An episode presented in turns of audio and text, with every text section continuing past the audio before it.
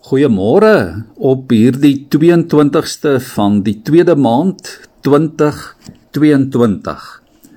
'n Besondere datum vir oggend in tyd. Ek wil vir ons graag lees uit die 2020 vertaling uit Psalm 1, net so die eerste paar verse. Gelukkig is die mens wat nie die raad van goddeloses volg nie en nie op die pad van sondaars gaan staan en nie in die byeenkoms van spotters sit nie maar wat vreugde vind in die wet van die Here en sy wet dag en nag mymerend prewel so iemand sal wees soos 'n boom geplant langs waterstrome wat sy vrugte op sy tyd gee en waarvan die blare nie verdor nie.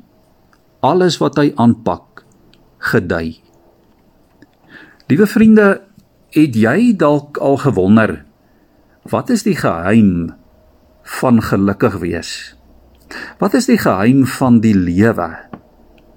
Wat is die geheim vir 'n sinvolle lewe? Ek dink ons kry dit hier in Psalm 1.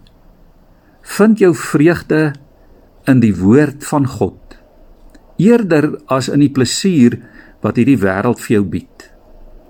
Dit is seker die heel belangrikste besluit wat 'n mens in jou lewe kan neem. Of jy vir God of teen God gaan kies. Of jy tot eer van God gaan lewe of nie. En nou sê Psalm 1 eenvoudig dat as jy vir God gekies het, as dit jou vreugde is om God se woord te lees, dit te leer ken dit te bestudeer, erns daarmee te maak en as jy jou lewe daarvolgens inrig, dan sal die Here jou seën. Mense wat die geheim ontdek het, hoe om hulle vreugde so in God se woord te vind. Die Here sê hy beloof aan hulle sy seëninge. Hulle sal wees, sê die psalmdigter, soos 'n boom wat by waterstrome geplant is wat sy wortels diep in vrugbare grond anker en wat op die regte tyd uit daardie lewensbron put om goeie en regte vrugte te dra. Die vraag vir môre is: Kan jy en ek met eerlikheid sê dat die woord van God vir ons so belangrik is? Dat die woord van die Here vir ons, vir jou en vir my 'n vreugde is. Dat dit vir ons lekker is om uit die woord van God te lees.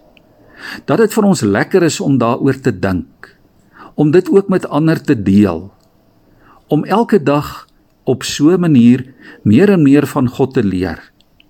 Om sy riglyne te gehoorsaam, om sy beveelings, sy wet, sy wil uit te voer ook deur die lees en die doen van sy woord. As ons dit sê, dan kan ons vandag God se beloftes hier in Psalm 1 vir onsself toeëien. God wil ook vir ons kom beloof dat hy nie net materieel vir ons wil sorg nie en sal sorg nie, maar dat hy ook veral in 'n geestelike sin vir jou wil voorsien en wil sorg. Hoor wat sê Paulus onder andere daarom Filippense 4 vers 19. Hy sê die Here sal jou sonde vergewe en jou genadig wees. Hy sal jou seën. Hy sal jou lei op jou lewenspad. Ja, hy sal vir jou lewenskrag en varsheid en vrug op jou arbeid waarborg. Soos 'n boom wat daar by die vrugbare waterstrome geplant is. En hy sal jou seën in dit wat jy aanpak. Bo alles sal hy jou geestelik in oorvloed seën. Kom ons buig ons hoofde voor die Here. Hemelse Vader, Here, dankie vir die vreugde wat ons in U en in U woord kan vind. Here, dankie vir die waarhede van U woord. Dankie vir al die beloftes in U woord.